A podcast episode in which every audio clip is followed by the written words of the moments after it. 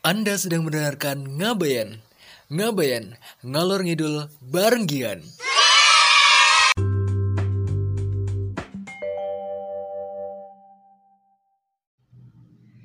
Assalamualaikum warahmatullahi wabarakatuh Sobat Ngabayan di mana pun kalian berada Kali ini Gian Samudra kembali hadir Menjumpai kalian bersama dengan partner lagi nih Gian. Sekarang ngajak teman dan sama seperti episode sebelumnya kali ini Gian ngajak Karmawan. Nah mungkin kalau misalnya kalian yang belum tahu Karmawan Adi Pratama itu siapa bisa lihat di podcast episode sebelumnya gitu ya.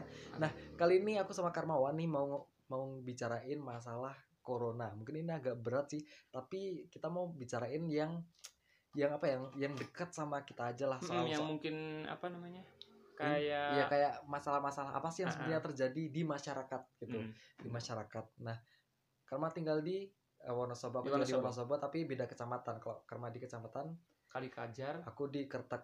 Nah, kalau di sini sendiri di sekitar rumah sini gimana sih keadaannya? terkait dengan virus corona yang sekarang mewabah di Indonesia dan di secara global juga Iya. eh, apa ya untuk di daerah kecamatan punya aku sendiri belum ada salah belum ada satupun orang yang positif yang semoga aja nggak ada sama sama sekali Amin. sampai akhir ya Amin.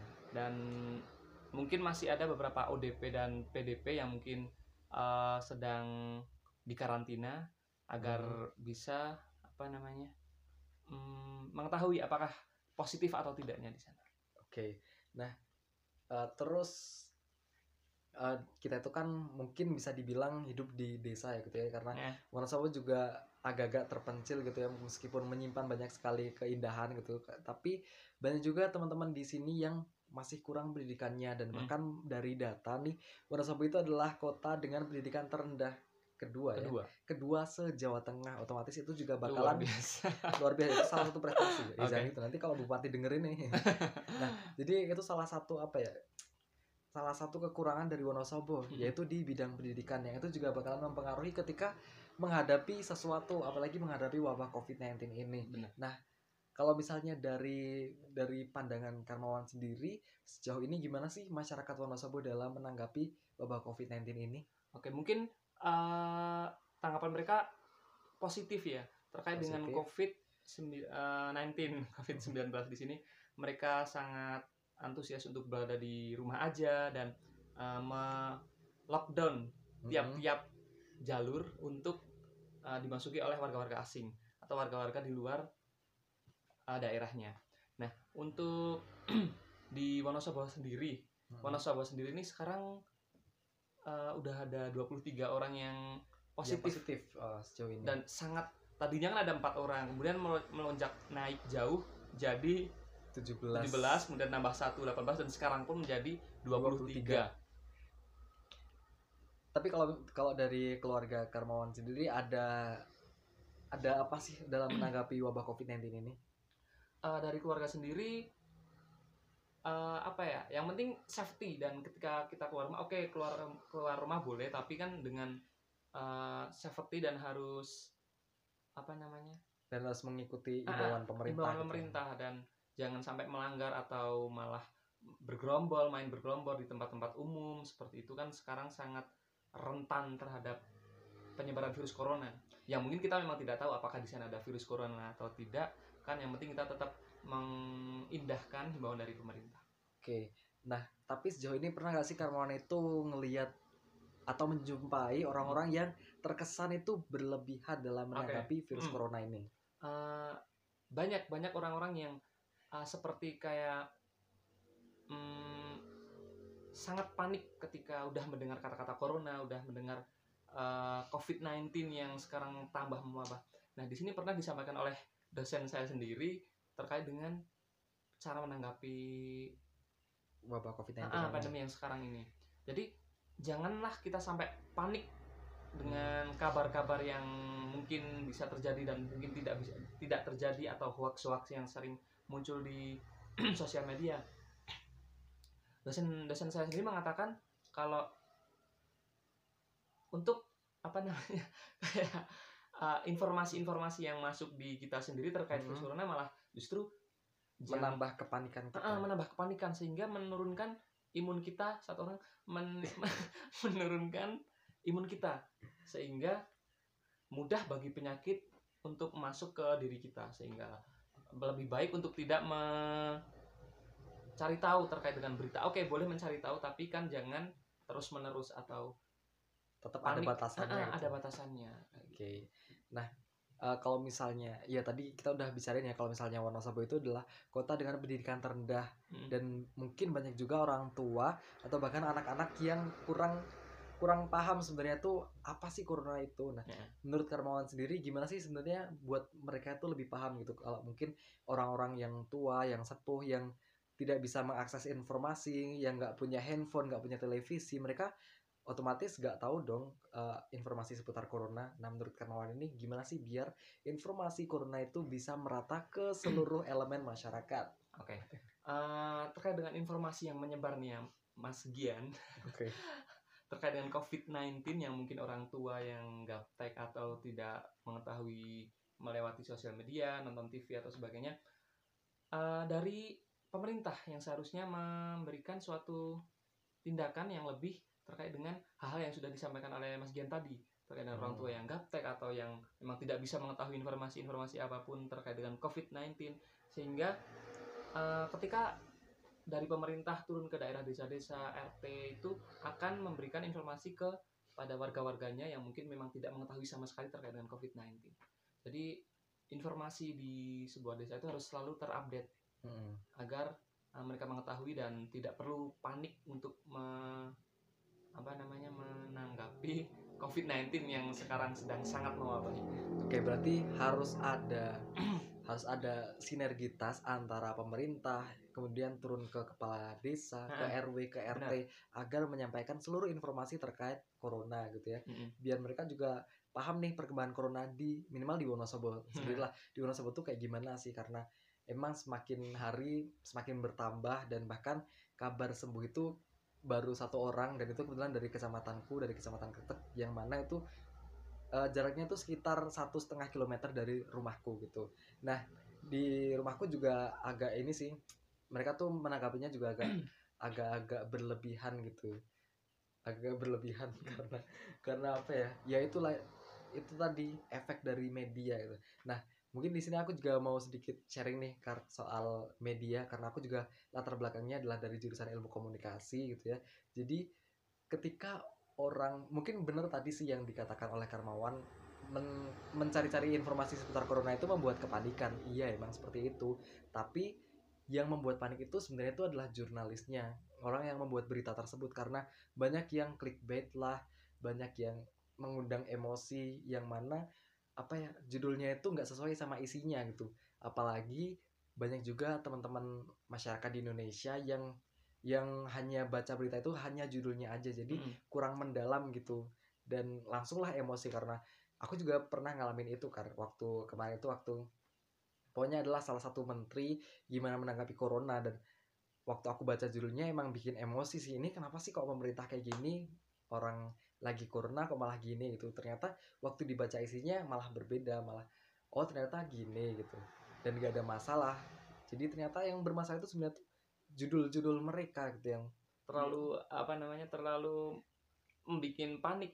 Iya membuat panik gitu, terlalu membuat kepanikan dan apalagi banyak juga eh, wartawan-wartawan yang lebih memilih untuk sharing seputar eh, yang positif berapa, Ah. yang meninggal berapa dan lain sebagainya, malah nggak nggak memberikan optimis kepada masyarakat. Iya, malah gitu. memberikan tingkat kepanikan uh, masyarakat di yang menonton di sosial media atau di TV itu Mm-mm. semakin naik. semakin Jadi bertambah gitu. uh, bah corona itu uh, sangat sangat sangat sangat berbahaya dari penyakit yang lain. Memang Mm-mm. berbahaya, tapi kan dari diri kita sendiri mungkin haruslah uh, mengikuti himbauan dari pemerintah harus begini-begini. Tapi kan di sini memang gimana ya serba salah sih ya, Mas Gian terkait dengan informasi-informasi yang menyebar di seluruh sosial media yang mungkin ada hoax juga yang uh, malah bikin tambah uh, apa bermasalah banget di tingkat informasi di Indonesia. Mm-mm. Ya itulah intinya. Jadi gimana caranya kita juga sebagai sebagai konsumen sebuah media kita juga harus bisa memilah dan memilih kira-kira mana sih Bener banget. yang sebenarnya itu kredibel untuk untuk kita baca Ah, gitu untuk diupload untuk dipublikasikan dan dibaca Hmm. masyarakat sehingga tidak hanya eh, masyarakat tuh jangan sampai hanya membaca mentahan suatu informasi dari judulnya dari gambarnya apalagi gambar-gambar yang mungkin membuat orang itu lebih bisa menyimpulkan tanpa membaca isi dari gambar tersebut atau informasi yang berada di bawah gambar tersebut seperti apa itu yang mungkin sangat-sangat apa ya eh, berdampak negatif bagi masyarakat yang membacanya Oke. Nah, tapi sejauh ini menurut Karmawan sendiri gimana sih eh, pemerintah Kabupaten Wonosobo dalam menanggapi ini?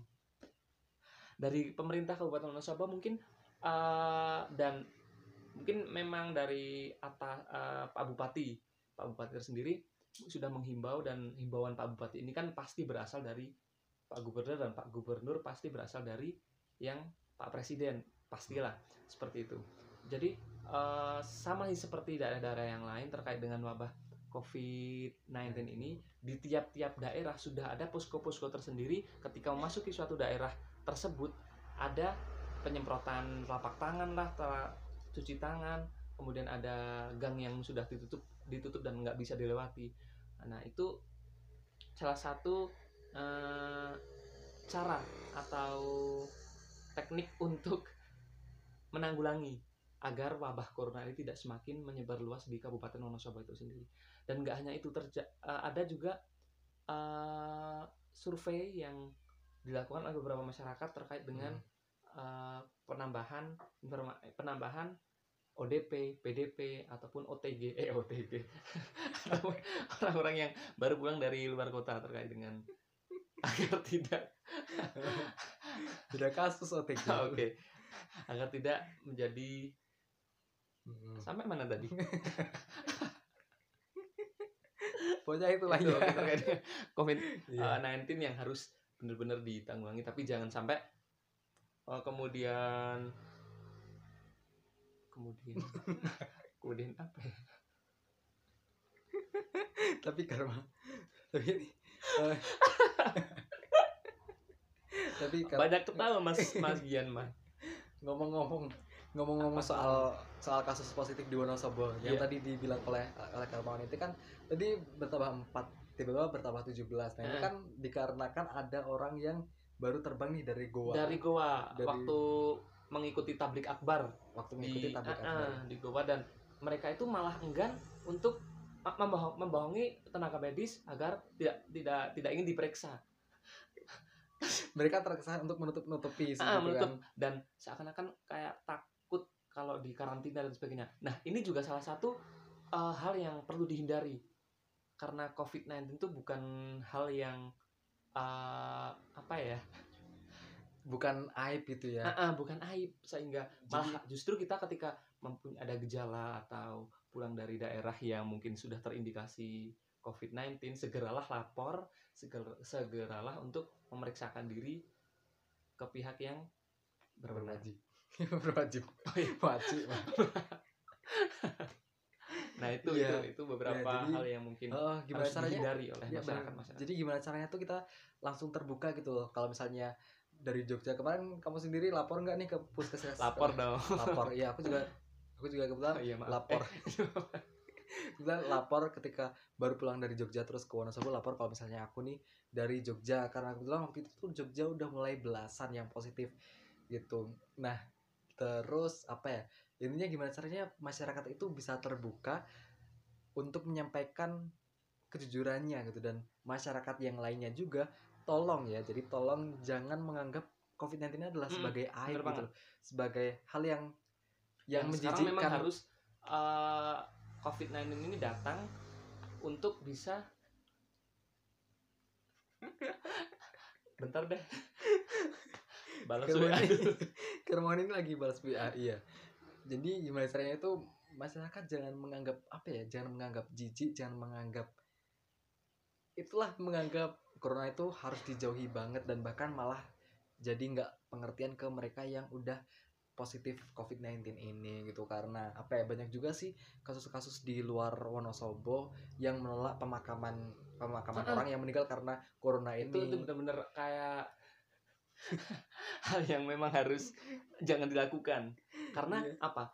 Eh, informasi-informasi terkait dengan jenazah eh, orang yang mungkin meninggal tapi meninggal bukan karena corona karena ada indikasi udah jadi PDP kemudian meninggal itu kan sekarang jadi PDP pun ketika si PDP ini meninggal dunia kan itu pelayanan untuk jenazahnya itu harus sangat steril dibungkus plastik iya. dibungkus kain kafan plastik lagi sampai dibawa ke peti mati dibawa ke tanah dan dikubur bersama dengan peti matinya itu. Jadi eh, tenaga medis lebih paham dan lebih tahu terkait dengan penanganan covid agar tidak tertular agar eh, intinya tidak bisa mewabah ke mana-mana lagi. Iya jadi masyarakat tuh jadi jadi masyarakat tuh sebenarnya nggak usah panik, nggak usah resah karena tenaga medis itu udah melakukan yang sebaik mungkin untuk Ah. menghindari penyebaran wabah COVID-19 ini. Kayak gitu. kayak Gitu mungkin lah. Terus apalagi ya? Kita mau ngobrolin apa lagi? apalagi ya mungkin eh, Eh, tapi menurut Karma sendiri ini udah mulai dapat bantuan nggak sih? Karena banyak juga kan orang-orang yang terdampak karena adanya wabah COVID-19 ini. Banyak banyak orang-orang yang akhirnya bekerja dari rumah atau mereka yang biasanya bekerja harian itu akhirnya memutuskan untuk tidak bekerja lagi gitu. Otomatis pendapatan pun semakin berkurang gitu. Turun. Apalagi mereka yang di pasar gitu karena udah mulai jarang sih pasar itu ada ini pengunjungnya gitu bener. karena ya itu mereka lebih memilih untuk di rumah aja. Mm. otomatis ekonomi sosial dan juga sektor perdagangan itu semakin terganggu oleh adanya Ya. wabah COVID-19 bener banget bang. Tapi gini mas eh, berbicara tentang pasar nih di daerah Wonosobo salah satu pasar di daerah Wonosobo itu pernah terjadi pernah terjadi. Aku sendiri pun kemarin waktu ke pasar Mhm. malah keluar keluar ada apa itu masih keadaannya rame dan malah justru ya pasti mereka dengan banyak orang-orang yang menggunakan masker sarung tangan dan sebagainya. Tapi tetap aja rame di daerah pasar. Jadi seakan-akan tidak ada apa-apa gitu. Kayak hari biasa gitu. Hari-hari biasa. Jadi eh, kayak iya dia me- menjaga diri dengan menggunakan masker menggunakan sarung tangan kaos kaki sepatu. Itu. Di pasar orang-orang masih berkerumun dan eh, sebenarnya ha- seharusnya hal itu jangan terjadi sih. Seharusnya jadi dari pihak pasar pun pihak direktur pasar mungkin ada.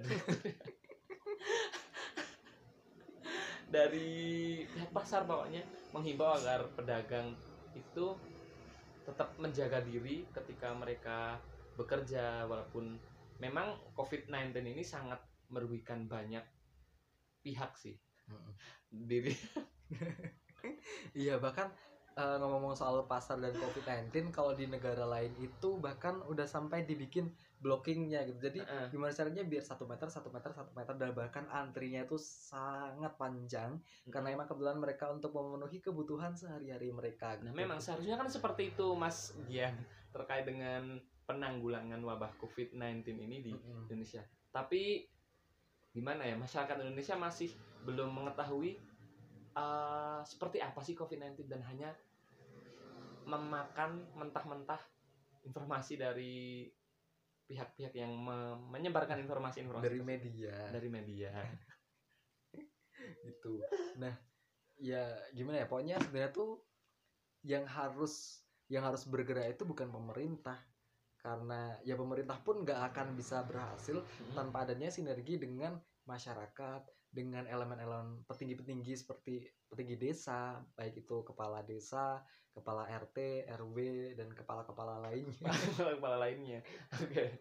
jadi emang harus ya gimana caranya kita aware gitulah terhadap COVID-19 ini gimana caranya kita bisa sadar caranya kita bisa bisa mengindahkan imbauan dari pemerintah, pemerintah.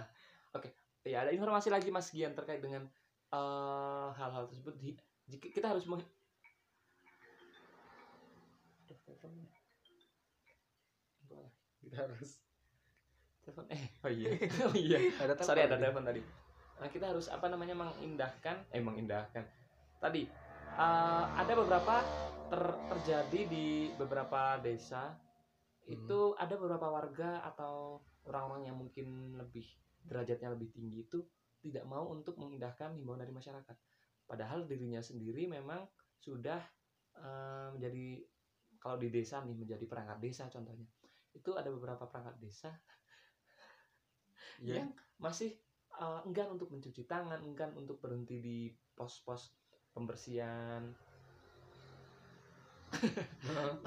pos-pos pembersihan di sekat-sekat sekat-sekat di gang-gang masuk ke wilayah desa. Itu masih banyak yang ngeyel. Untuk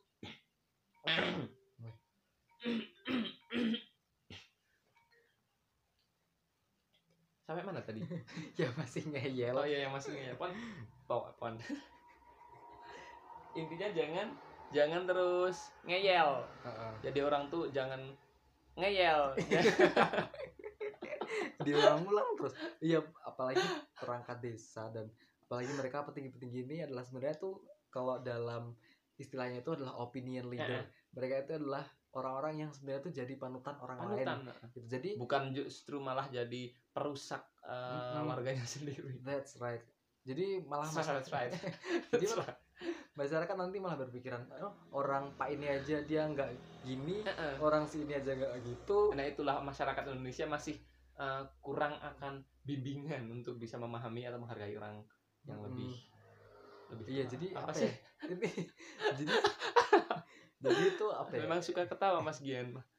Jadi menurutku ini harusnya tuh ya kita sama-sama sadar gitu lah nggak harus nunggu orang lain.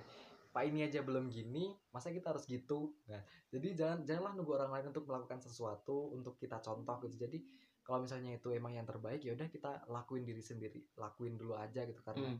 kesadaran itu adalah hal yang paling utama untuk menanggapi Ah. pandemi COVID-19 di Indonesia ini. Mantap sekali Mas Gian Samudra ini. Nah, gitu kira-kira.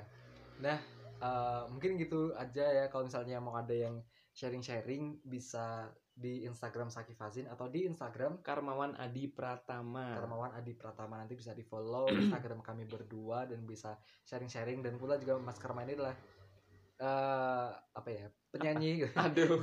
Jadi Bawa-bawa. gitu. Nah, terima kasih juga buat kalian yang udah dengerin aku sampai menit terakhir ini. Nah, Terima kasih atas waktunya. Sampai jumpa. Assalamualaikum warahmatullahi wabarakatuh. Waalaikumsalam warahmatullahi wabarakatuh.